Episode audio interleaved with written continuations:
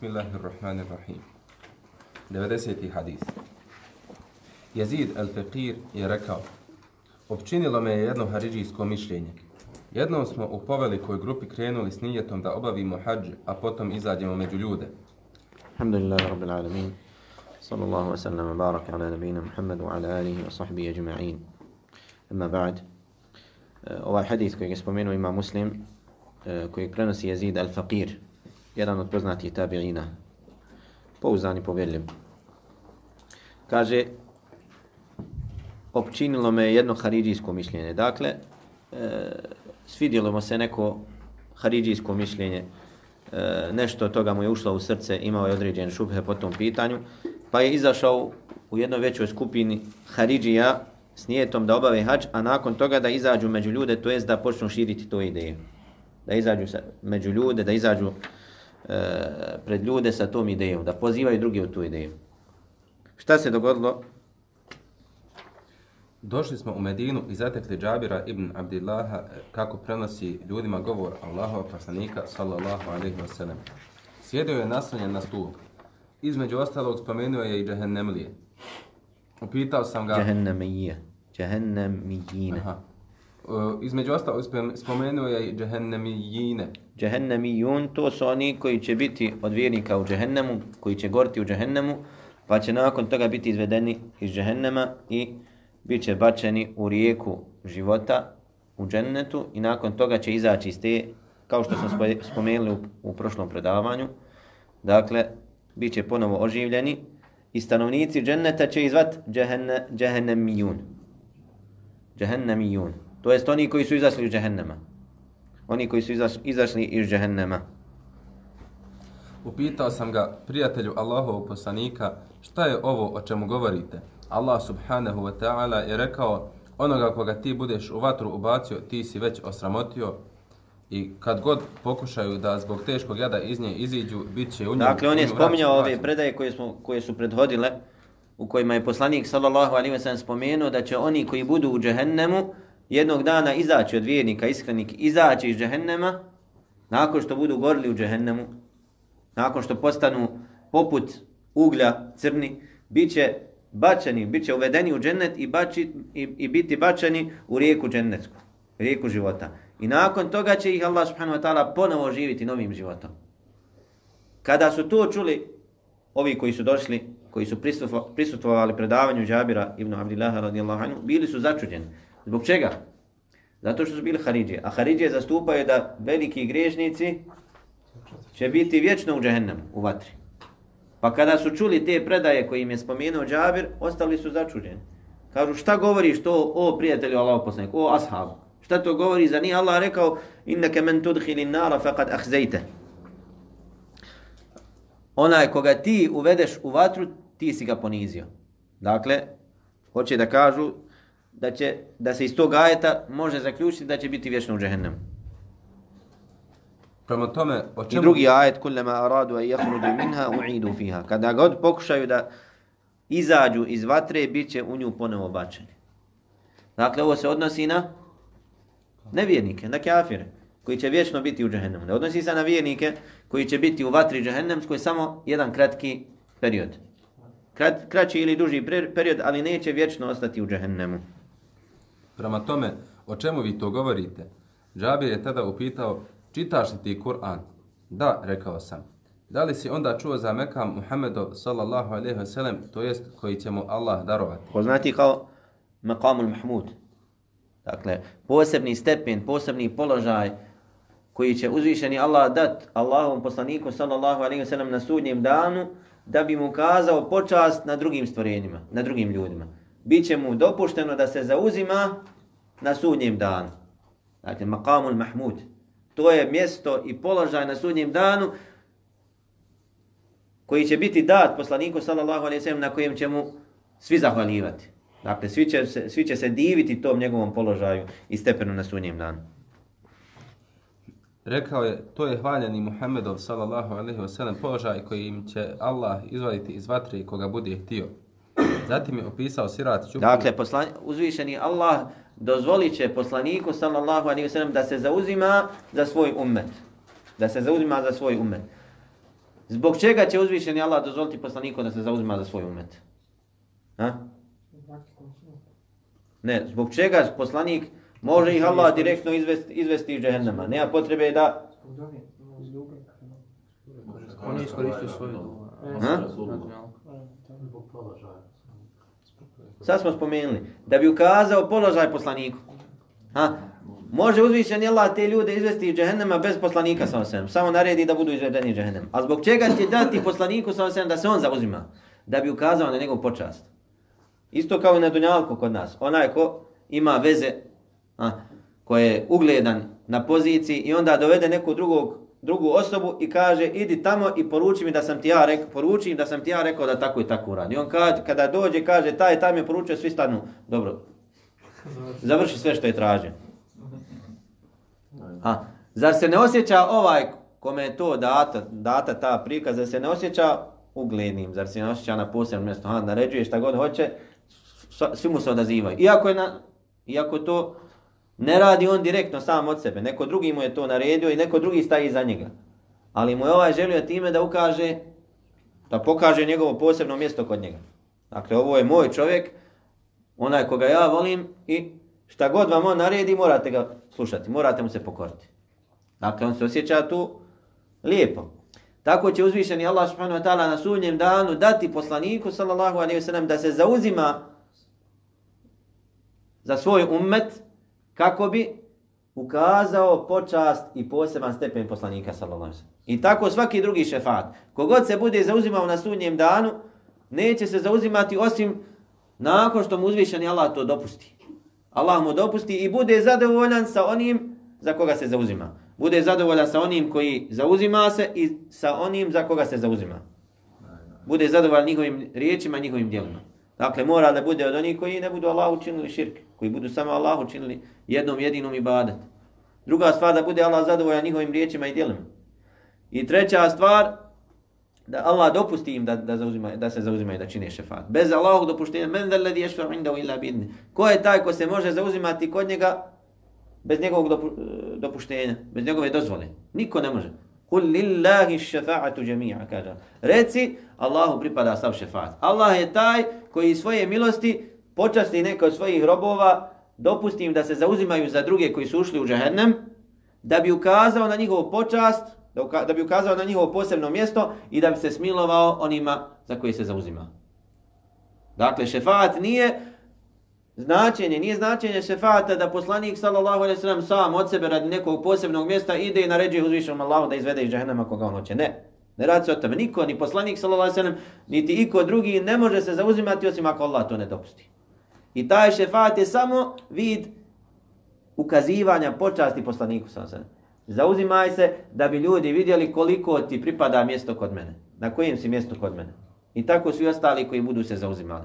A više je vrsta šefata na sudnjem danu. Nije jedan šefat, dakle ima šefat da, da, da započne obračun na sudnjem danu. Kada budu ljudi išli od poslanika do poslanika, pa dok ne dođu do, do Muhammeda sallallahu alaihi wa sallam, pa kažu, zar ne vidiš šta je zadesilo ljude, zar ne vidiš ovu žestinu u kojoj se nalazimo, idi kod svog gospodara, zamoli ga da, da započne samo obračun.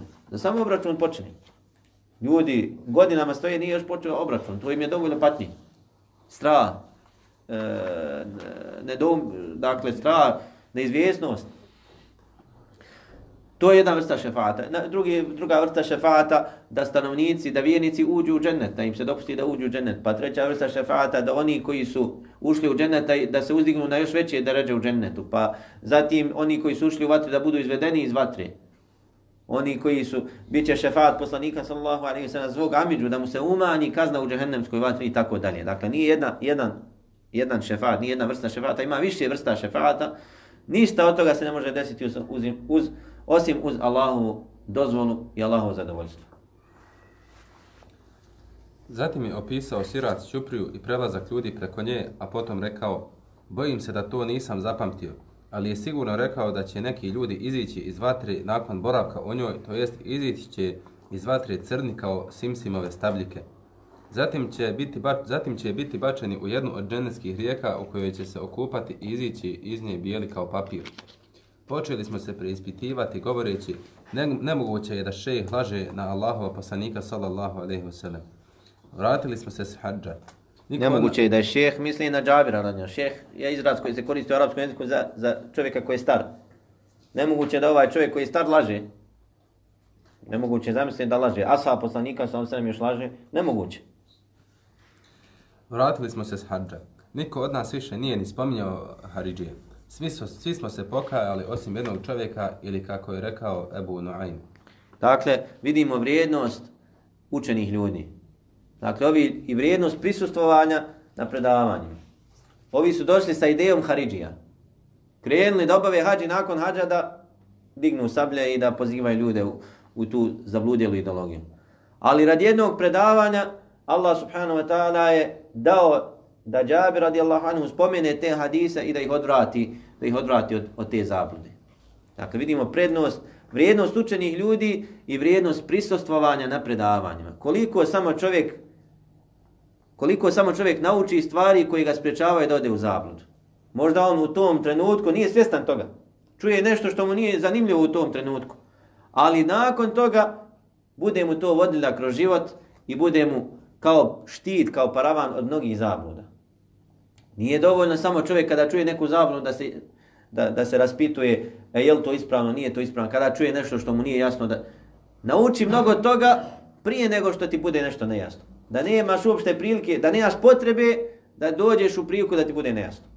Nauči prije toga, pa ti mnoge stvari koje su drugima nejasne, neće biti nejasne, nego će ti biti jasne. I nećeš imati problema sa njima. Mnoge zavlude u koje drugi upadaju, ti ćeš uz Allahu pomoć biti sačuvan tih zabluda. Prisustvovanjem na predavanjima kod onih koji su poznati po ispravnom tumačenju vjere. Dakle, ovdje, kada je govornik iskren, uz Allahu pomoć utiče na one koji slušaju. Odvratio ih je Džabir radijalans, velika skupina na početku predaje. Svi su se, kaže, vratili, pokajali, niko više ni, ni spominjao, nije Haridžije, čuli su predaje koje ruše njihovo vjerovanje iz temelja.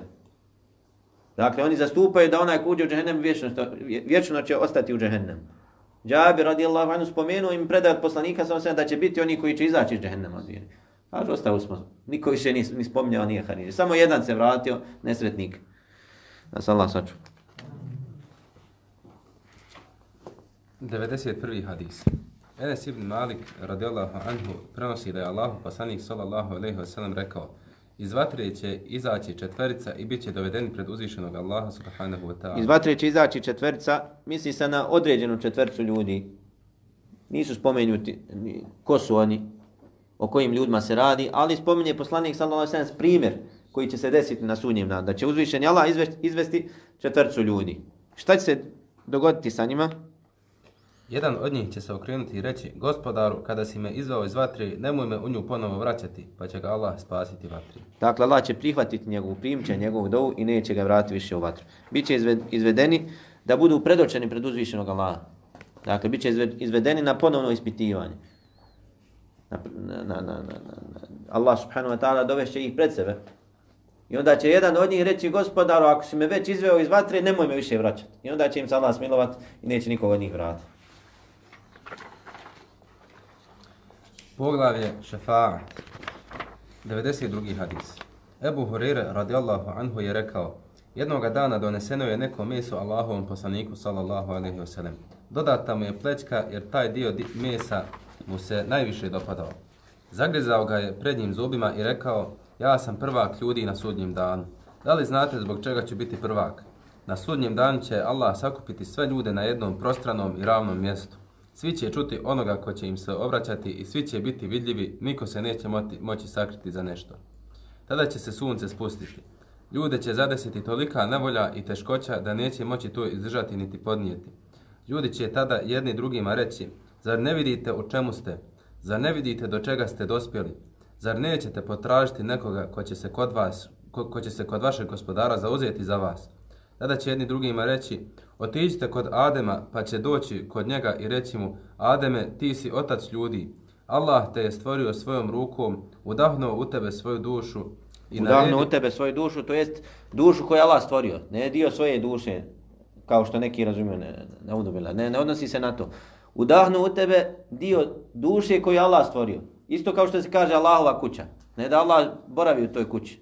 Kaaba je Allahova kuća. Ne misli se da Allah boravi u toj kući. Nego kuća koju Allah subhanahu wa ta'ala stvorio i počastio je, pripisao je sebi. I zato se kaže čovjek, kažu kod nas čovjek Boži. To jest Allah ga stvorio. Allah je njegov stvorite.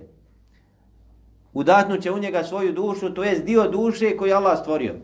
Dakle, udahnut dušu koju Allah stvorio, ne dio svoje duše, Allahove duše. Ne misli se na to udahnuo u tebe svoju dušu i naredio melekima da ti učini seždu. Zar ne vidiš u čemu se nalazimo? Zar ne vidiš do kojeg stepena smo stigli? Zauzmi se za nas kod svoga gospodara. Adem će reći, danas se moj gospodar naljutio toliko da se tako prije nikada nije naljutio, niti će se tako naljutiti.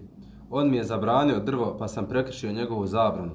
Dosta mi je da se brinem samo, samo o sebi, dosta mi je da se brinem samo o sebi. Idite nekom drugom, idite Nuhu, doći će kod, doći će kod Nuha alejselam i reći će O Nuhu, ti si prvi poslanik koji je poslan na zemlju. Allah te je nazvao zahvalnim robom. Zauzmi se za nas kod svog gospodara. Zar ne vidiš u čemu smo? Zar ne vidiš šta nas je zadesilo? Nuh će im reći, moj gospodar se danas toliko naljutio da se tako prije nikada nije naljutio, niti će se poslije naljutiti. Ja sam imao pravo na jednu dovu pa sam molio protiv svog naroda. Dosta mi je sebe, dosta mi je sebe, idite kod Ibrahima, alaihissalam.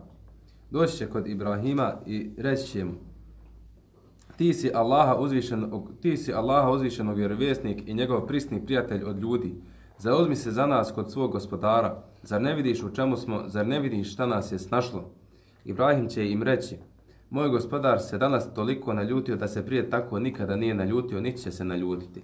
Tada će spomenuti svoje laži i reći, dosta mi je sebe. Ne misli se na prave laži, nego Ibrahim ali se nam e, spomenuo je kako, kako kod nas kažu bijele laži. Dakle, e, ne direkt, indirektan govor je spomenuo da bi, i to je sve rekao u ime Allaha. Sve je rekao u ime Allaha. Primjer toga je kada su došli, kada je polupao one ekipove, pa su ga pitali ko je polupao ove ekipove. Šta je on rekao? Ovaj najveći. Misleći na? Kipa. Ha? Kipa. Ha? On je želio da oni skontaju da se misli na najveća ekipa. On je mislio na... Ha? Na ruku. On polupao znači. Fa'alahum kebirum hada. Pitajte ih ako znaju da, da govori. Dakle, on polupao. To je, dakle, ona bijela laž. I spominje se, ima hadith kod Buharije, vjerodostan, koji govori koje su te koje, koje su to tri, tri laži koje je slagao Ibrahim a.s. To nisu prave laži, to su laži dakle, e, koje, koje je rekao Ibrahim a.s. u ime Allaha i radi Allaha, radi Allahove vjere, da bi se spasio i nisu direktne laži. E... Ali će se Ibrahim a.s. iako je to radio u ime Allaha, bojaće se na sudnjem danu za sebe. Bojaće se za sebe. Jer možda ga Allah subhanahu wa ta'ala bude teretio radi tih stvari. Šta reći za one koji ih lažu?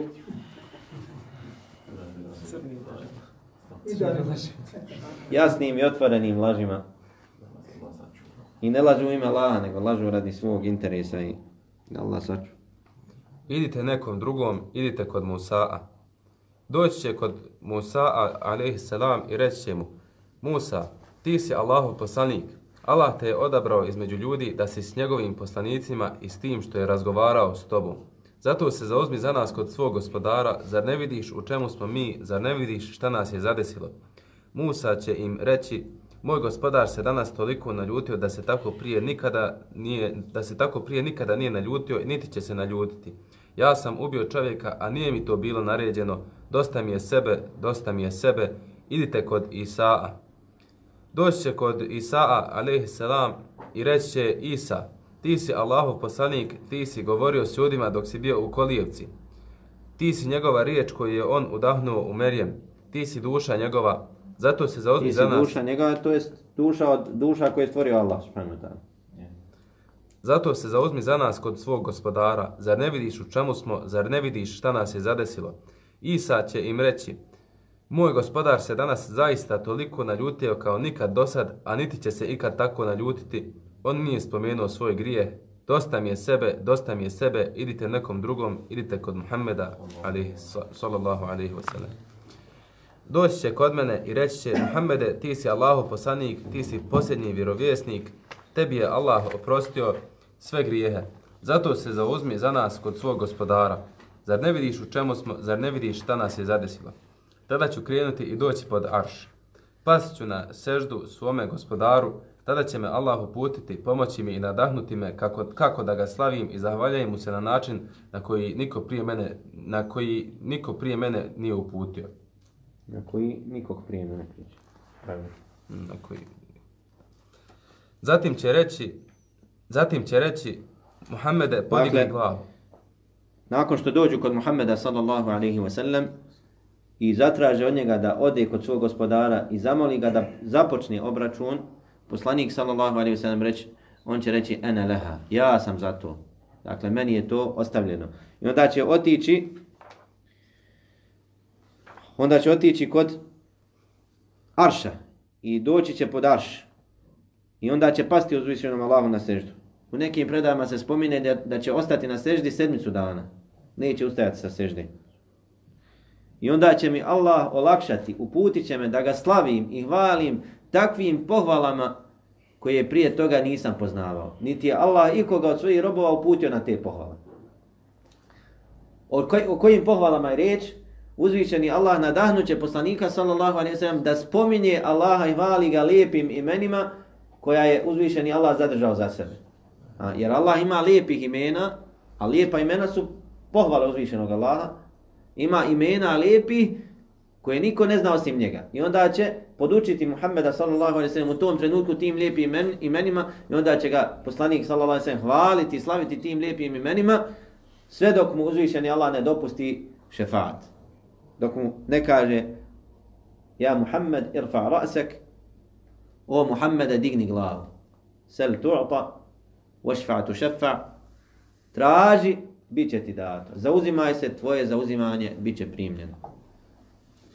Zatim će reći, Muhammede, podigni glavu, traži, tvoje molbi će biti udovoljeno. Zauzimaj se, tvoje zauzimanje će se uvažiti. Podignuću glavu i reći, gospodaru, moj ummet, moj ummet. Tada će se, tada će se reći, Muhammede, uvedi u džennet na desna džennetska vrata od svog ummeta one koji neće imati obračuna. Ostatak tvog ummeta će ući u džennet kroz ostala vrata zajedno, zajedno sa ostalim ljudima. Tako mi onoga u čijoj ruci je Muhammedov život, širina između dvije strane džennetskih vrata je koliko između Mekke i Hedžera ili između Mekke i Busri. Dakle, ogromna, ogromna vrata. Poglavlje poslanikov sallallahu alejhi ve sellem govor ja ću se prvi od ljudi zauzimati za džennet i mene će od svih poslanika najviše slijediti. 93. hadis.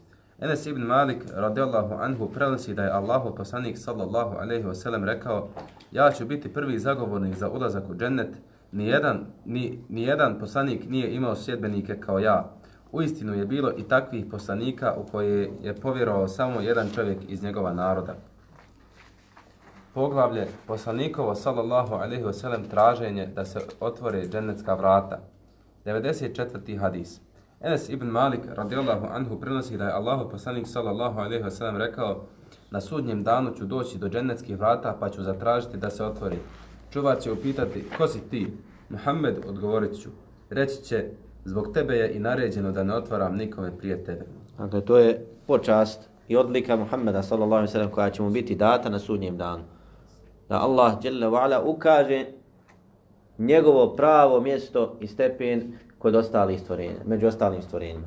Dakle, to je vid ukazivanja počasti Muhammedu sallallahu alaihi sallam, našem poslaniku. Poglavlje poslanikov sallallahu alejhi ve sellem govor svaki poslanik je imao jednu sigurno uslišanu dovu. 95. hadis. Ebu Hurere radijallahu anhu prenosi da je Allahu poslanik sallallahu alejhi ve sellem rekao: Svakom poslaniku je jedna dova sigurno uslišana. Svaki od poslanika požurio je sa svojom dovom, a ja sam svoju odgodio za šefaat svom umetu na sudnjem danu. On će obuhvat, obuhvatiti, inša Allah, svakog od mog umeta ko umre, a ne bude ni u čemu pripisivao Allahu duga. To je dokaz brižljivosti Allahu poslanika sallallahu alaihi sallam prema svom umetu. Dakle, brinuo, se o nama, e, odgodio je svoju dovu, mogao je da spomene svoju dovu i da mu bude uslišan na dunjalku dok je bio živ, ali on je odgodio svoju dovu na sudnjem danu. za sudnji dan. Zbog čega? Da bi iskoristio tu dovu da se Allah posebno smiluje njegovom umetu. Poglavlje poslanikova sallallahu alaihi wa sallam dova za svoj umet. I taj šefaat će obuhvatiti svakog onog ko ne bude Allah učinio širka. Svakog onog ko ne bude Allah učinio širka, uzvišeni Allah subhanahu wa ta'ala počastit će ga šefaatom Muhammeda sallallahu alaihi wa sallam. 96. Zato vjernik treba izučiti dobro širk, naučiti šta znači širk, koji su to vrste širka, primjeri širka, na koji način se upada u širk, da bi se sačuvao. Dakle, da bi se sačuvao. Kaže, araftu šarra li tawaqihi, la li an aqa fihi. Kaže, naučio sam zlo da bi ga se sačuvao, ne da ga radim. Dakle, učimo zlo, učimo širk, vrste širka, e, puteve koji vode ka širk, primjere širka, da bi ga se sačuvali. Mudrost toga, pojenta toga, svrha toga je da naučimo širk da bi ga se da bi se sačuvali širka, da ne bi upali u njega. Kako kaže Hudejfe radijallahu. Ljudi su pitali poslanika sallallahu alejhi ve sellem o dobru, a ja sam ga pitao o zlu bojeći se da ne upadnem u njega. Bojeći se da ne upadnem. Zato je Hudejfe radijallahu anhu poznavao hadise o fitnama, o smutnjama koje će biti prije sudnjeg dana. Bolje od ostalih ashaba. Zato što je ispitivao poslanika sallallahu alejhi ve sellem o lošim stvarima, o, o, o iskušenjima, o smutnjama, onome što će se desiti nakon smrti poslanika sallallahu alejhi ve sellem. 96. hadis. Abdullah ibn Amr el-As radijallahu anhuma je rekao uh, Poslanik? poslanik sallallahu alejhi ve sellem proučio je ajet koji govori o Ibrahimu alejhi selam oni su gospodar oni su gospodar moj mnoge ljude na straputicu naveli onaj ko bude mene slijedio moje je vjeri a onaj ko bude protiv mene ustajao pa ti uistinu praštaš i samilostan si. Oni su gospodaru moje, to je kipovi. Ibrahim a.s. moli Allah da sačuva njega i njegovo potomstvo da obožavaju kipove. Zbog čega kaže, oni su doista gospodarom mnoge ljude u zabludu odveli.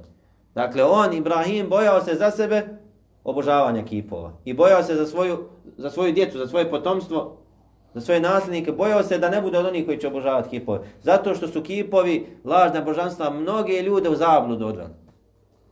A oni koji su na manjem stepenu od Ibrahima a.s. su preći da se boje. Mi danas često sigurni smo za sebe od širka. Ne bojimo se širka. Ibrahim a.s. bojao se za sebe širka. Zato što je srce u Allahovim rukama. Allah ga okreće kako on hoće. Može ga okrenuti sad na pravi put, sad ga ostaviti da ode u zabludu. I zato čovjek treba da dovi Allahu ustrajno i uporno da sačuva ga da obožava drugim ima Allaha. Da ga sačuva puteva koji vode ka, širk, ka širku i da ga sačuva od činjenja širka. Kao što su to činili poslanici. Ako su bili poslanici nesigurni za sebe, za svoju djecu, za svoje potomstvo, za svoje čelja, onda smo mi preći da se bojimo za sebe. Isa alejhi selam je također rekao ako ih kazniš, robovi su tvoji, a ako im oprostiš, silan i mudar ti si. Tada je podigao svoje ruke i rekao Allahu moj, moj ummet, moj ummet i zaplakao je. Allah je rekao Džibrile, otiđi kod Muhammeda, a tvoj gospodar najbolje zna i upitaj zašto je zaplakao. Došao mu je Džibril a.s. i upitao ga, pa mu je poslanik sallallahu a.s. odgovorio šta ga je uplakalo. Džibril je obavijestio Allaha o tome, a on to najbolje zna. Zatim je uzvišen i rekao, Džibrile, otiđi kod Muhammeda i reci, mi ćemo te učiniti zadovoljnim tvojim umetom i nećemo te ožalostiti. To je Allahova subhanahu wa ta'ala uh, milost prema ovom ummetu. Dakle, poslanik sallallahu alaihi sallam, Allahova milost što nam je poslao ovakvog poslanika. وَمَا أَرْسَلْنَاكَ إِلَّا رَحْمَةً لِلْعَالَمِينَ Nismo te poslali osim kao milost svih svjetovima. لَقَدْ جَاءَكُمْ رَسُولٌ مِنْ أَنفُسِكُمْ azizun alejhima anittum. Zaista vam je došao poslanik jedan od vas. Teško mu pada radi poteškoća u koje upadate. Harisun alejkum koji je prema vama brižljiv, brine o vama. Bil mu'minina raufur rahim. I koji je prema vjernicima milostiv, samilostiv, blag. Dakle, uzvišeni Allah je iz svoje milosti odabrao Muhammeda sallallahu alaihi sallam i poslao ga kao, kao poslanika nama. Poslao ga kao poslanika nama. Mi smo njegov ummet. Kakav je naš odnos prema poslaniku sallallahu alaihi? Ako je on plakao u dovi i molio Allaha za nas, da nam se Allah smiluje. Pa šta mi onda trebamo raditi kada je u pitanju poslanik sallallahu alaihi wasallam? Zar ne zaslužuje da donosimo na njega salavat kada god bude spomenut? Da molimo Allaha da mu dadne poseban stepen? Zar ne zaslužuje da slijedimo njegov sunnet? Da branimo njegov sunnet? Da se borimo za njegov sunnet? Zar ne zaslužuje da nam bude draži i od očeva, i od majki, i od naših porodica, i od naše djece, i od svega na dunjalu? Kada je Omer radijallahu anhu, kako je zabio imam Buhari, rekao poslaniku sallallahu alaihi sallam jednog dana, o Allahov poslaniće, doista si mi ti draži od svega što postoji osim mene samog. Pa mu kaže poslanik sallallahu ne Omer, sve dok ti ne budem draži od tebe samog. Pa kaže Omer, iskreni, pravi vjernik, u datom trenutku odmah je iman mu porastao. Kaže, tako mi je Allah, Allah poslanić. Zaista, zaista si mi sada draži i od mene samog. Kaže, e sad Omer, sad Omer, sad si postigao pravi stepen. U drugoj predaji od Enesa kod Buhari muslima kaže poslanik sallallahu alejhi ve sellem la yu'minu ahadukum hatta akuna habba ilayhi min waladihi wa walidihi wan nas ajma'in. Neće niko od vas vjerovati, neće biti potpuni vjernik sve dok mu ne budem draži od njegovog djeteta, od njegovog oca i od svih ljudi, od njegove supruge, od imetka, od svega drugog. Poslanik alejhi salatu wasalam je najdraži na prvom mjestu nakon uzvišenog Allaha. Slijedimo ga i volimo ga zato što nam je Allah to naredio. I volimo ga zato što nam je Allah naredio da ga volimo. I on nam treba da nam bude preći od svega. Njegov sunnet. Koliko se borimo za njegov sunnet? Ili je sunnet postao samo riječ koju izgovaramo riječima i hvali, hvali se time, a daleko je u praksi. Daleko smo od toga u praksi. Dakle, nije sunnet samo nekoliko sunneta u praksi da primijenimo i da se pozivamo na sunnet. Koliko poznajemo njegove hadite? Koliko svako od nas bi mogao u ovom trenutku citirati hadisa poslanika?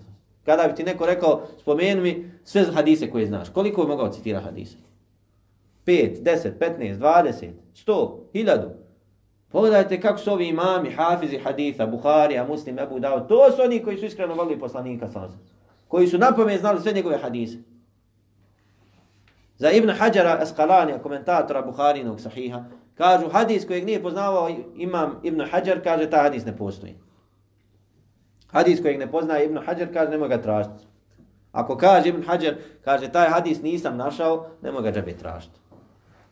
Nema ga džabe tražiti, niješ ga naći. Nije imao ni kompjutere, nije imao ni programe za pretraživanje. To je dokaz ljubavi prema sunnetu poslanika. A ne da govorimo sunnet, sunnet, sunnet, sunnet, sunnet, sledbenici sunneta, a nigde nas u praksi. Ne poznajemo sunnet.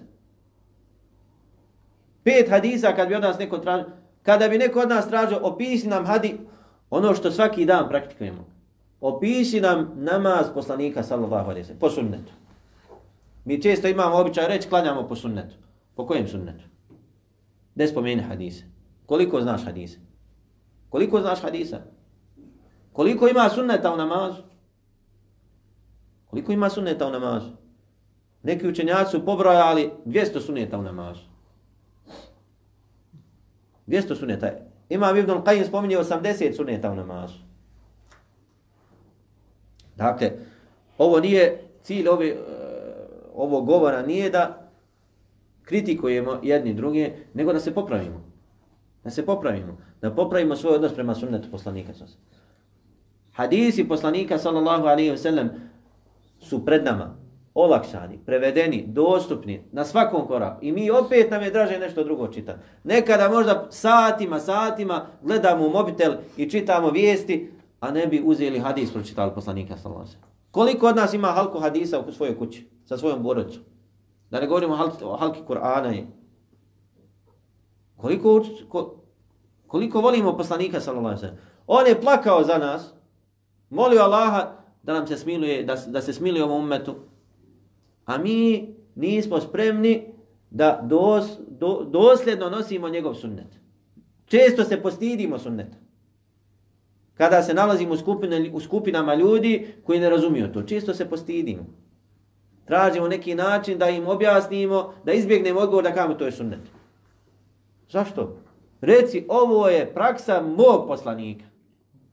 I nemoj se stiditi nikog na dunjalku. Da se poslanik sallallahu alaihi sallam ne bi postidio tebe na ahiretu. Jer ako se ti budeš stidio njegovog sunneta, nemoj misli da će se tebi obradovati poslanik sallallahu alaihi sallam na ahiretu. I zato, šta je bila oporuka poslanika sallallahu alaihi sallam ensarijama? Isbiru hatta telqavni ala hawd. Strpite se sve dok me nesretnik, nesretnite kod hauda, kod izvora na, na, na, na. Strpite se. Pogod, pogađat će vas razna iskušenja. Ljudi će vam neće davati ono što zaslužujete. Neće vam kazivati počast i, i stepen koji vam dolikuje. Ali strpite se, kaže poslanik, sve dok me nesretnik, nesretnite kod hauda. Tada će se tog dana će se poslanik sallallahu alejhi ve sellem obradovati iskrenim sljedbenicima. Da nas Allah učini od njih. 97. hadis. Džabir radijallahu anhu prenosi da je eh, uh, Tufail ibn Eh, Amr Dausi došao poslaniku sallallahu alejhi ve sellem i rekao mu Allahu poslanice treba li ti sigurna tvrđava i zaštita rekao je tvrđavu koju su u džahilijetu imali devstije, deustije. Pa je ponudio, pa je ponudu odbio poslanik sallallahu alejhi ve sellem jer je to Allah čuvao za ensare. Nakon što je poslanik sallallahu alejhi ve sellem učinio hidžru u Medinu, za njim je to učinio je Tufail ibn Amr sa još jednim svojim sunarodnjakom. Boravak u Medini im se nije sviđao, e, pa se Tufailov sunarodnjak razbolio i zapao u depresiju. Uzeo je šiljak strijeli i njime odrezao zglobove svojih prstiju, od čega je umro. Poslije toga e, Tufejl ibn Amr ga je vidio u snu. Vidio ga je u lijepom stanju, ali su mu ruke bile pokrivene. Upitao ga je šta je s tobom uradio tvoj gospodar. Odgovorio je, oprostio mi je zbog hidže koju sam učinio Allahom poslaniku sallallahu alaihi wasallam. Et Tufail ga je upitao, zašto su ti ruke pokrivene? Odgovorio je da mu je rečeno, mi nećemo popravljati ono što si ti upropastio. Taj san je Et Tufail ispričao Allahom poslaniku sallallahu alaihi wa sallam. Allahom poslanik sallallahu alaihi wa sallam je rekao, Bože moj, oprosti i njegovim rukama. Poglavlje o govoru uzvišenog eh, e, opominji svoju najbližu rodbinu. Trpite se, braći, još malo ima hadisa i završit 98. hadis. Ebu Hurere radijallahu anhu prenosi da nakon što je objavljen ajet opominje svoju najbližu rodbinu, Allahov poslanik sallallahu alejhi ve sellem je pozvao Kurejševiće koji su se bili sakupili pa se obratio i svima i pojedinačno i rekao sinovi Kaaba ibn Lueja spašavajte se od vatre sinovi Murre ibn Kaaba spašavajte se od vatre sinovi Abdu Šemsa spašavajte se od vatre sinovi Abdu Menafa spašavajte se od vatre sinovi Hašimovi spašavajte se od vatre sinovi Abdul Muttalibovi, spašavajte se od vatre. Fatima, spašavaj se od vatre. Ja vam kod Allaha ne mogu ništa pomoći, osim što ste sa mnom povezani rodbinskom vezom koju ću ja čuvati i održavati. Dakle, poslanik sallallahu alejhi ve sellem jednom prilikom je došao, okupio je Kurešije, okupio Kurešije i obratio se svim plemenima unutar plemena Koreš, svim porodicama po imenci o sinovi toga i toga, spašavajte se od vatre, sinovi toga i toga, spašavajte se Sve redom ih je dozvao. Pa je na kraju došao do svoje čerke. O Fatima, čeri Muhammedova, spasi se od vatre, zaista ti ja na sudnjem danu ne mogu ništa koristiti kod Allaha. Nikom neću ništa koristiti. Dok ste na dunjaku, spavite se od vatre. Jer ako umrijete, ja vam kod Allaha ne mogu ništa pomoći. Jer će svako odgovarati za svoja dobra i za svoja loša djela. Dakle, bit će pitan za svoja dobra i loša djela. Ako, bude, ako njegova do, djela budu ispravna, dobra, bit će nagrađen, a ako budu loša, bit će kaznen. Kažen. Poglavlje... Kod... Vidimo, dakle, upornost Allahovog poslanika, sallallahu alaihi sallam, u pozivanju svog naroda. Zamislite kada bi neko od nas učinio to današnje vrijeme. Kada bi okupio svoju porodicu i, do, i jednog po jednog. Taj, taj, amiđa moj, babo, djedo, e, i tako redom rođo, spašavajte se od džahennemske vatre, ja vam ne mogu ništa koristiti. Šta bi, mu, šta bi rekli za njega danas? Nije normalno, lud. Isto tako su rekli za poslanika, sallallahu alaihi sallam. Jednom priliku kada isto uradio poslanik, sallallahu alaihi sallam, njegov amidža, Ebu Leheb je došao i rekao, pro, propao ti, zar si nas radi toga okupio? Pa je Allah spustio suru, tebbet jeda Abi lehabim wa teb. Propale ruke Ebu Leheba. Ma agna anhu maluhu wa ma kesem. Neće mu koristiti njegov imetak niti ono što, je, što, što zarađuje. Ono što je stekao. I bit će u džehennemu. I u vatri, gorće u vatri. Dakle, njegov najbliži rod, Amidža njegov, kada im je to, kada je na taj način pozvao, zar si nas radi toga pozvao da Bog da propao? Pa je Allah rekao, propao ti Ebu Lehebe i tvoje ruke. I do sudnjeg dana se uči ta sura u kojoj, u kojoj se proklinje Ebu Lehebe. Dakle, ovu stvar kada je poslanik sallallahu alaihi sallam uradio, kada je okupljao svoj narod i pozivao ih Allahu, ljudi su ga prozivali da je nije normalan, da je lud, da je opsihiran. Kada bi mi to danas uradili, šta bi za nas rekli? Isto bi rekli. A mi se ne usuđujemo da to uradimo. A poslanik sallallahu alaihi sallam se usudio. Vidimo koliko je bio uporan i, i hrabar. I koliko je borio se da svoj narod izvede na pravi put. Borio se za svoj narod koji su bili mušici, ove koje je dozivao, većinom su bili mušici. Borio se da izvede na pravi put. Da uspostavi Allahov dokaz protiv njih. Da ne budu sutra na sudnjem danu imali dokaz. E, nisi nas pozvao, nisi nam dostavio. Hoće li naš narod imati dokaz protiv nas?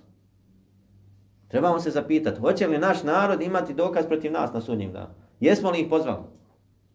Jesmo li dostavili vjeru, ljepotu vjere koju smo mi osjetili, slast imana koju smo mi osjetili, jesmo, jesmo li dostavili našem narodu? Jesmo li dostavili islam na najljepši mogući način da ga zavoli? A ima oni koji nikada neće povjerovati, to je jasno.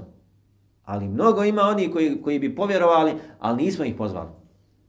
I zato na nama je da se trudimo, da pozivamo naš narod gdje god se nalazi. U prevodnom svijet, sredstvu. E, na, na, na, na godišnjem odmoru, na ljetovanju, na, u školi, na fakultetu, na poslu. Nemoj propuštati priliku da pozoveš našeg bošnju, našeg sugrađana, pa makar bio i druge vjere, nemoj propuštati priliku da ga pozoveš na pravi put.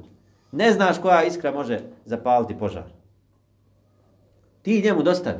Pokaži mu ljepotu Islama svojim ponašanjem. Pokaži mu ljepotu Islama na svom odjevanju, u svom obhođenju prema njemu, u svom ponašanju, u svom govoru. Ali to nije dovoljno neka se zna. Moraš mu i riječima pojasniti. Pozovi ga. Lijepim riječima ga pozove. Nije dovoljno kao što neki misle, e, mi ćemo lijepim ponašanjem uvesti ljudi u islam. Nećemo nikad. Da je bilo dovoljno lijepo ponašanje, ne bi Allah slavo poslan, ne bi spuštao Kur'an. Samo bi naredio poslaniku sam da se lijepo ponaša. Nikada ljudi neće privatiti islam samo radi lijepog ponašanja. I to nije suština islama. Mi možemo njima omiliti islam lijepim ponašanjem. Da na nama vide primjer lijepog islama. Ali bez Kur'ana, bez Allahove riječi, bez riječi istine, bez poziva rasprave, lijepe, lijepe rasprave, lijepog, dakle, lijepih riječi u kojima na najljepši, na najjednostavniji, privlačni način pojašnjavamo suštinu islama. Da je Allah taj koji nas je stvorio i da ćemo umrijeti, da ćemo piti, biti pitani za naša dobra i loša djela da ćemo biti dakle obračunavani za naša djela i da nam je Allah naredio da mu činimo i da ga obožavamo na takav i takav način, dakle na najljepši način da dostavimo ljudima. To je naša obaveza. Ako smo iskreni sljedbenici Muhammeda sallallahu alejhi Poglavlje koliko je poslanik sallallahu alejhi ve sellem pomogao Ebu Talibu. 99. hadis. Al-Abbas ibn Abdul Muttalib radijallahu anhu je rekao Allahu poslaniče, da li si imalo pomogao Ebu Talibu jer te on štitio i za tebe se srdio? Odgovorio je, jesam. On je u džehennemskom pličaku, a da nije bilo mene, bio bi u najdubljim džehennemskim dubinama. Poznato je da je Ebu Talib pomagao poslanika sa se, branio ga, štitio ga i njega i druge muslimane. Pa kada je preselio, kada je umro, pita ga Abbas, Amidža poslanikom, sallallahu alaihi drugi, hoće li ti šta koristiti? Hoćeš li šta moći koristiti? Hoćeš Hoće, hoće li biti Ebu Talibu ikakve koristi od tebe na sunnjem danu? Zar te nije pomagao, zar te nije, zar te nije štitio? Kaže, hoće. Biće u džehennemskom pličaku, a da nije bilo mene, bio bi u naj, najnužim, naj, najdubljim e, dubinama džehennema. A u džehennemskom pličaku, kada bude u tom pličaku, tolika će kazna biti da će mu mozak ključati od, od bola. Šta onda reći za one koji budu u dubinama džehennema? Salah saču. Stoti hadis.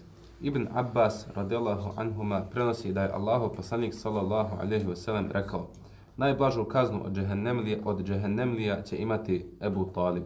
Na nogama će imati dvije vatreni papuče od kojih će mu ključati, od kojih će mu ključati mozak. Poglavlje, poslanikov govor od mog ummeta će u dženet ući 70.000 bez polaganja računa. Hosain ibn Abdurrahman je rekao, bio sam kod Sa'id ibn Džubeira koji je upitao ko je od vas jučer vidio zvijezdu koja je pala. Pa Odgovorio sam, ja sam vidio. A zatim sam rekao, ja tada nisam klanjao, ali me nešto ujelo. Dakle, Ibn Džubeir sada sjedi, pratite, znam da vam je odužilo sam.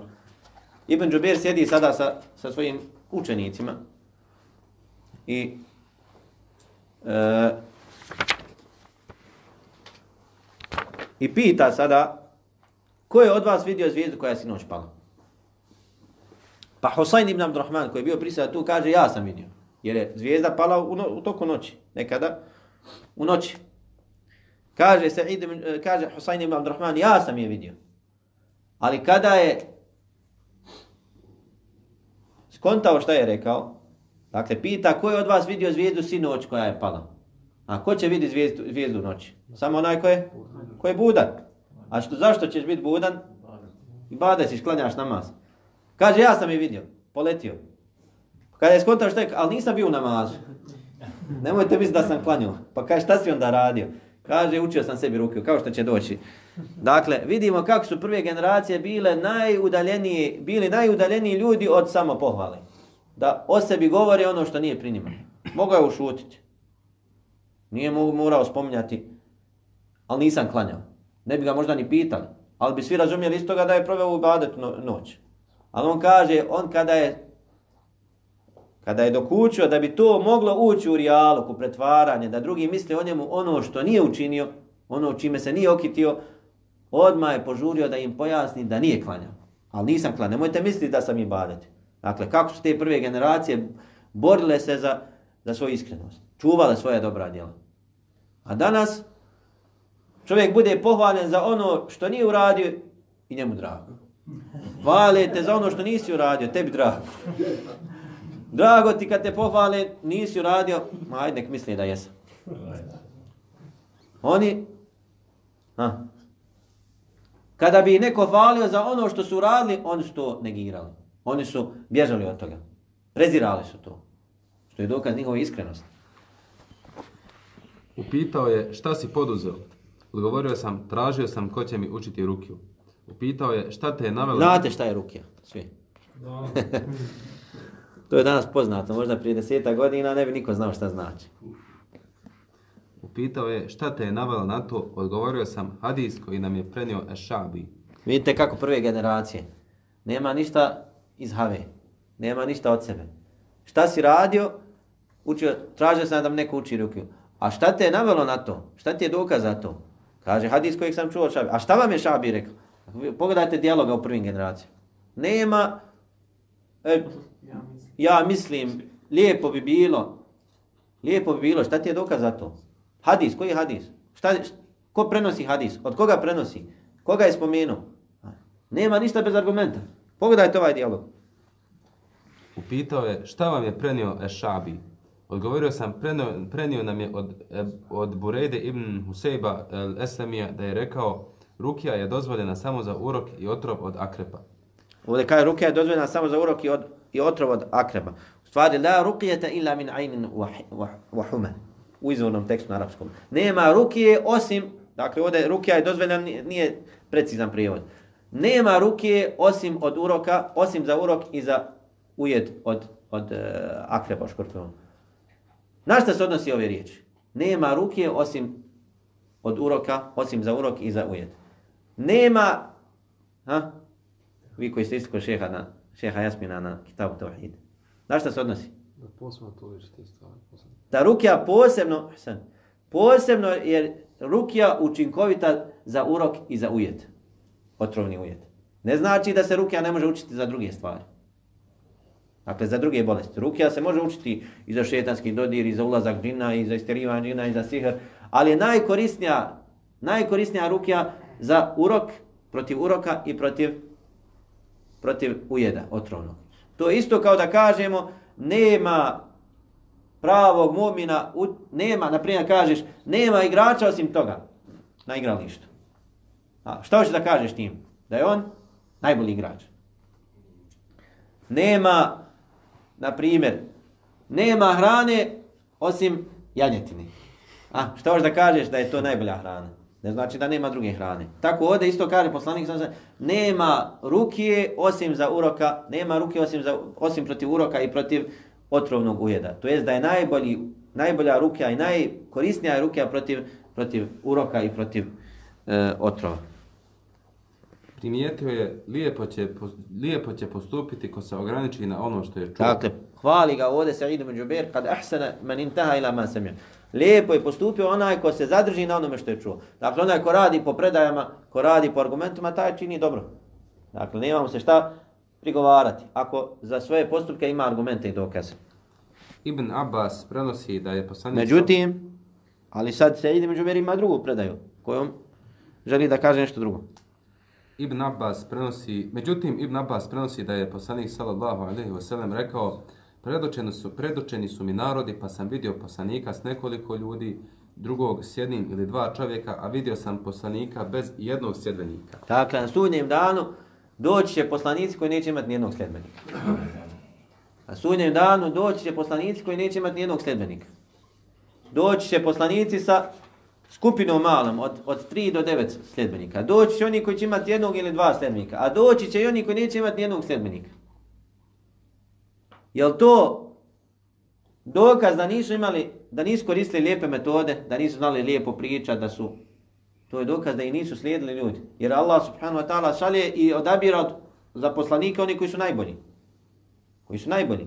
Dakle, nije bilo do poslanika, bilo je do njihovog naroda. I zato onaj koji poziva druge, ne treba se žalostiti, niti odustajati ako mu se niko ne odazove.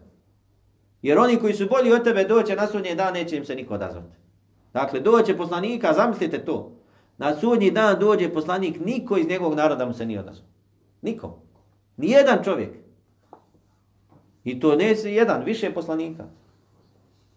Dakle, ne trebamo odustajati nikad od istine i od pozivanja drugih. Nite nikada gubiti nadu, nego ustrajati i Allah te neće pitati za rezultate. Allah te neće pitati za rezultate. Na tebi je da dosta. In alejke illa al balag, kako kaže Allah poslaniku. Na tebe nije osim da dostaviš. Koga će Allah uput na pravi put, to, nije, to se tebe ne tiče. Allah na pravi put upućuje koga on hoće. Ali problem, ako ne dostavljamo, ako ne pozivamo drugi, to je problem. Nakon toga mi je pokazana velika skupina ljudi, pa sam mislio da su moj umet. Rečeno mi je, ovo je Musa i njegov narod, ali pogledaj na horizont. Pogledao sam, pa sam vidio ogromnu masu. Rečeno mi je, pogledaj na drugu stranu horizonta. Pogledao sam i vidio ogromnu masu. Rečeno mi je, ovo je tvoj umet. Sa njima će 70.000 ući u džennet bez polaganja računa i bez kažnjavanja. Zatim je ustao i ušao u svoju sobu. Potom su ljudi počeli raspravljati o onima koji će ući u džennet bez polaganja računa i bez kažnjavanja. Neki od njih su rekli, možda su to oni koji su se družili s Allahovim poslanikom sallallahu alaihi wa sallam.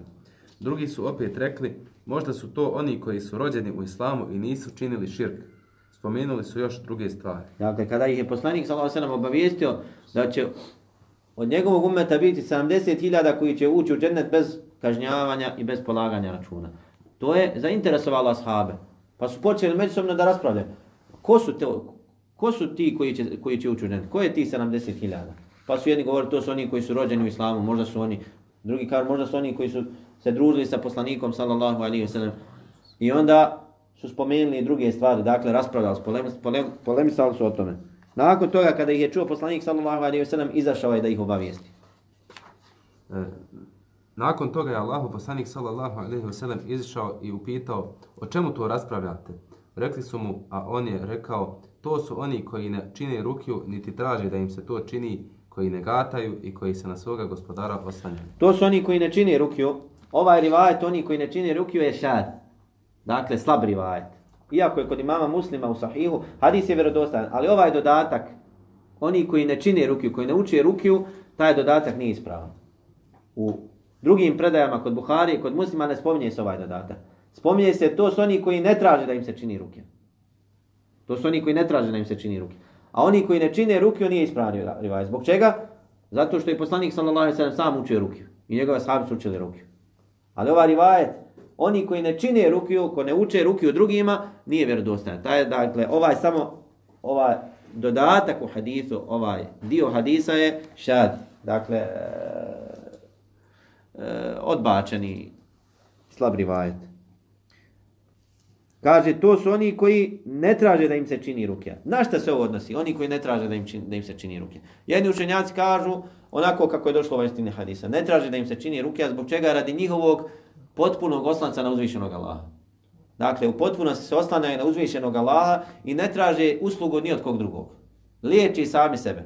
Sami sebe liječi. Oslanjaju se na Allaha i traže od Allaha lijeka i ne gledaju na ljude. Jer onaj koji, koji ode kod drugog da muči rukiju, većinom u njegovom srcu ostane dakle, malo e, ljubavi prema to, malo, dakle, doza zahvalnosti prema onom ko te izliječio rukom. I zaboraviš da je uzvišen je Allah taj koji je izliječio, a ne ovaj koji, koji je bio samo sebe. I dakle, tvoje, tvoj oslavas na Allaha ne bude potpun, ne bude skroz čist. Dok neki učenjaci spominju da se ne odnosi na to, nego se odnosi, ne traže da im se uči rukja, to jest rukja u kojoj ima širka. Ne traže da im se uči rukja u kojoj ima širka. I ovo mišljenje također je e, jako mišljenje. Ima svoj potpun. Iako većina komentatora hadisa spominje ovo prvo mišljenje. I spominje još, Hafid ibn Hajar spominje sedam mišljenja po označenju ovog, ovog dijela hadisa. Ali ova dva mišljenja su najjača. Oni koji ne traže da im se čini rukja, to jest ne traže da im se čini rukja u kojoj ima širk. A drugi kažu ne traže da, da im se čini rukja radi njihovog potpunog oslonca na Allaha. Ali kažu ovi koji zastupaju prvo mišljenje, ako bi čovjeku neko ponudio da mu, uči, da, da mu se uči ruke, i on prihvati, to ne ulazi u traženje da se čini da, da, da im se uči ruke. Traženje da ti direktno odeš i moliš i tražiš drugog da ti uči ruke. Ali ako bi ti neko drugi sam učio ruke bez tvog traženja, kaže, da ulazi u značenje ovog hadisa. Ali i ovo drugo mišljenje, da se to odnosi na ruki u kojoj ima širka, je jako mišljenje. I Allah najbolje zna, možda je ispravnije. Iako Allah najbolje zna možda ispravnije, ali i ovo prvo mišljenje ima svoju jačinu. Oni koji negataju, dakle koji nisu sujevjerni i koji se na svog gospodara oslanjaju.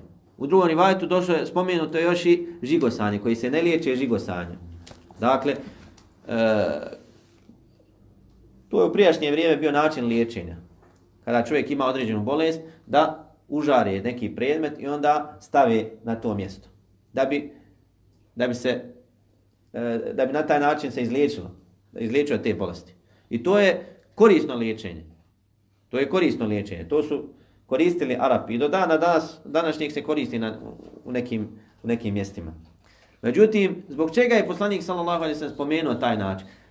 Da, da su osobine koje su objedinjene kod 70.000 ljudi koji će ući u džennet, da ne traže od drugih da im, da im uče rukiju, nisu sujevjerni, ne liječe se na taj način i na svog gospodara se oslanjaju. Ne traže da im se uči rukija zbog njihovog potpunog oslanca na Allaha. Nisu sujevjer, sujevjerni radi njihovog potpunog oslanca na Allaha. Dakle, ne vjeruju u gatke, ne vjeruju, nema, nisu suje, sujevjerni. Kada prođe mačka ispred njih, ne okreću se, ne pljuckaju ne. Ili kao što Sarap imali običaj. Kada krenu na putovanje, ako ptice odu na jednu stranu, to je, zna, to je loš znak. Ako odu na drugu stranu, to je lijep znak. Kakve ptice imaju veze sa tvojom srećom ili nesrećom? Ptice Allahova stvorenja koje Allah stvorio. I druge stvari koje ljudi, dakle, radi kojih ljudi upadaju u svoje, svoje vjere. Da kucnem, da se ne urekne, e, ne znam, nija okači nešto na te, okači tespihu u auto, da ne bi se desio sudar, Ha? Potkorica. Šta? Potkorica. Potkovica, ja. Konja od. Ili Kriljušti od ribe u novčanik. Šta kažeš, Adja? Kriljušti od ribe u novčanik. to bi mogli napisati knjigu šta ima sve u našem narodu. Rišu prosto. Nema kakvi nema svi vjera u našem narodu. Nemoj nokte sjeći tog i tog dana, nemoj, nemoj već sterati. Nemoj se kupati tog i tog dana i tako. Dakle, nisu sujevjerni. Zbog čega? Zato što se ne oslanjaju na te stvari.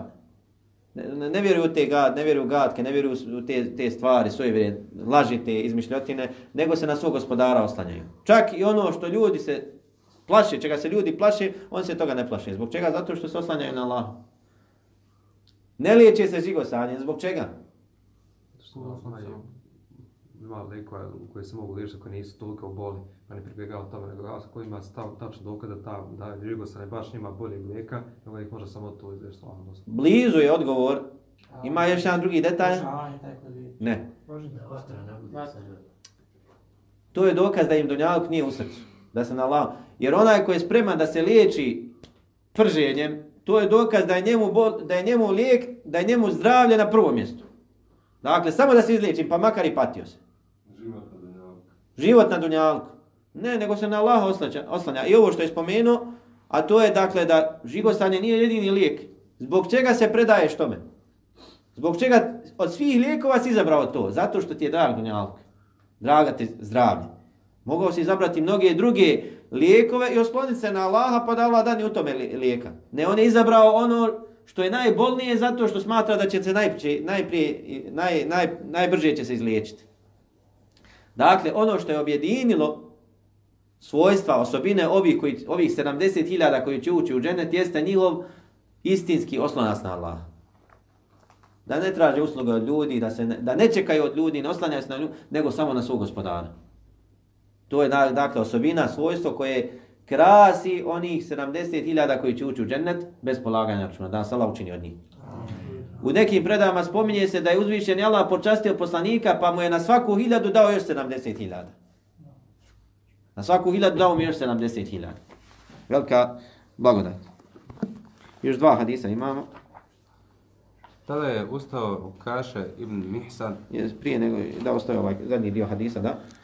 I rekao, zamoli Allaha da me učini od njih. Rekao je, ti si od njih. Zatim je ustao drugi čovjek i rekao, zamoli Allaha da me učini od njih. Rekao je, pretekao, pretekao te s tim kaže. Dakle, vidite kako je bio mudar odgovor poslanika, sallallahu alaihi wa sallam. Kada je čuo to što je spomenuo poslanik, sallallahu alaihi wa sallam, o ibn Mihsan, jedan poznati ashab, selio kao šehid, u, kada su se borili protiv Musailema al-Kedama, dakle u bitkama protiv onih koji su lažno prizivali poslanstvo. Kada je čuo to što je rekao poslanik sallallahu alejhi ve šta kaže u Kaša? O Allahu poslanice, dovi Allahu, moli Allaha da ja budem od njih. Pa mu kaže poslanik sallallahu alejhi ve ti si od njih. Drugi čovjek kada je čuo u Kašu, kaže moli Allah da ja budem od njih. Šta mu je poslanik sallallahu alejhi ve rekao? Pretekao te u Kaša. Ha? Zar nije u tome Dakle, mudrost Allahov poslanika, sallallahu alaihi sallam, na mudar način je zatvorio vrata. Jer je rekao ovom čovjeku i ti si, pa onda treći, četiri, šta je rekao? Pretekao te u kaš. I time zatvorio traženje dove. Neki kažu, poslanik sallallahu alaihi sallam, neki od komentatora, kažu da je poslanik sallallahu alaihi sallam znao za tog čovjeka da je munafik. I da ga ne bi osramotio pred ostalim, rekao je, umjesto da je rekao, nisi ti od njih, rekao, pretekao te u kaš. Dakle, na lijep način izbjegao da odgovori direktno, dakle, da, da taj čovjek nije od njih. Ili su jedno bio munafik ili ne bio munafik, možda je bio i vjernik, ali koji nije od 70.000. Pa je poslanik sallallahu alejhi bio obaviješten o njemu da nije od 70.000 i onda je na mudar način izbjegao da ga e, rastuži, da ga ožalosti. I druga stvar koja je ovdje, koju možemo izvu, izvući iz ovog dijela haditha, druga korist, jeste istinitost poslanikovog vjerovjesništva. Na koji način? Ono Šta je rekao? Ti si od njih za Ukašu. Da je kojim slučajem Ukaša odmetnuo se od Islama, zar to ne bi bilo uterivanje ulaž poslanika? Ali Ukaša preselio ko šehid. Dakle, ovo je poslanik sallallahu alaihi sallam spomenuo dok je Ukaša bio živ. Ti si od njih. I Ukaša je preselio ko šehid. Mogu je Ukaša ostaviti vjeru i kao vidite da je slagu. Ali nije Allah dao da se to desi. Što je dokaz istinitosti poslanika. Da je bio zaista poslanik istina. Pored ostali svi stotine hiljada dokaza koji puću na to. Ali ovo je jedna, jedan od dokaza. Dakle, kaže, ti si od njih Ukaša. I Ukaša je umro kao musliman. Bilo je oni koji su odmetnuli. Koji su umrli kao nevjernici. Nijednom od njih nije poslanik sallallahu se obećao dženet. Obećao je samo onima koji su umrli kao vjernici. Što je dokaz njegove istinitosti. Poglavlje poslanikov sallallahu alejhi ve sellem govor Nadam se da ćete vi činiti polovicu dženetlija stotinu drugi hadis. Abdullah ibn Mas'ud radijallahu anhu prenosi da, da, rekao je Bilo nas je oko 40 poslanikom pod šatorom. Allahu poslanik sallallahu alejhi ve sellem tada je upitao da li biste bili zadovoljni da budete četvrtina džennetlija. Odgovorili smo da. Ponovo je upitao da li biste bili zadovoljni kada biste činili trećinu džennetlija. Odgovorili smo da. Tada je rekao, tako mi onoga u je ruci Muhammedov život, ja se nadam da ćete vi činiti polovicu džennetlija, jer će u džennet ući samo ko budi musliman. Vi ste u odnosu na nevjernike kao bijela dlaka na koži crnog bika ili kao crna dlaka na koži crvenog bika. Dakle, vi muslimani odnosu ovaj umet na odnosu na nevjernike kao jedna dlakica bijela u, na koži crnog bika. Ništa, ne, ne znate. Dakle, toliko će biti nevjernika, toliko će biti ljudi, da smo mi jedna, i pored toga ćemo biti polovina stavnika dženeta, ovaj umet. Poglavlje o Allahovom subhanahu wa ta'ala govoru upućenom Ademu od džehennemlije od svake 1999. Ebu Sa'id radijallahu anhu prenosi da je Allahu poslanik sallallahu alaihi wa sallam rekao Allah uzvišeni će reći Ademe, Adem a.s. salam će kazati odazivam ti se Allahu sreća i dobro su u tvojim rukama. Allah će tada reći odvoji džehennemlije. Adem će upitati ko su džehennemlije. Reći će od svake 1999.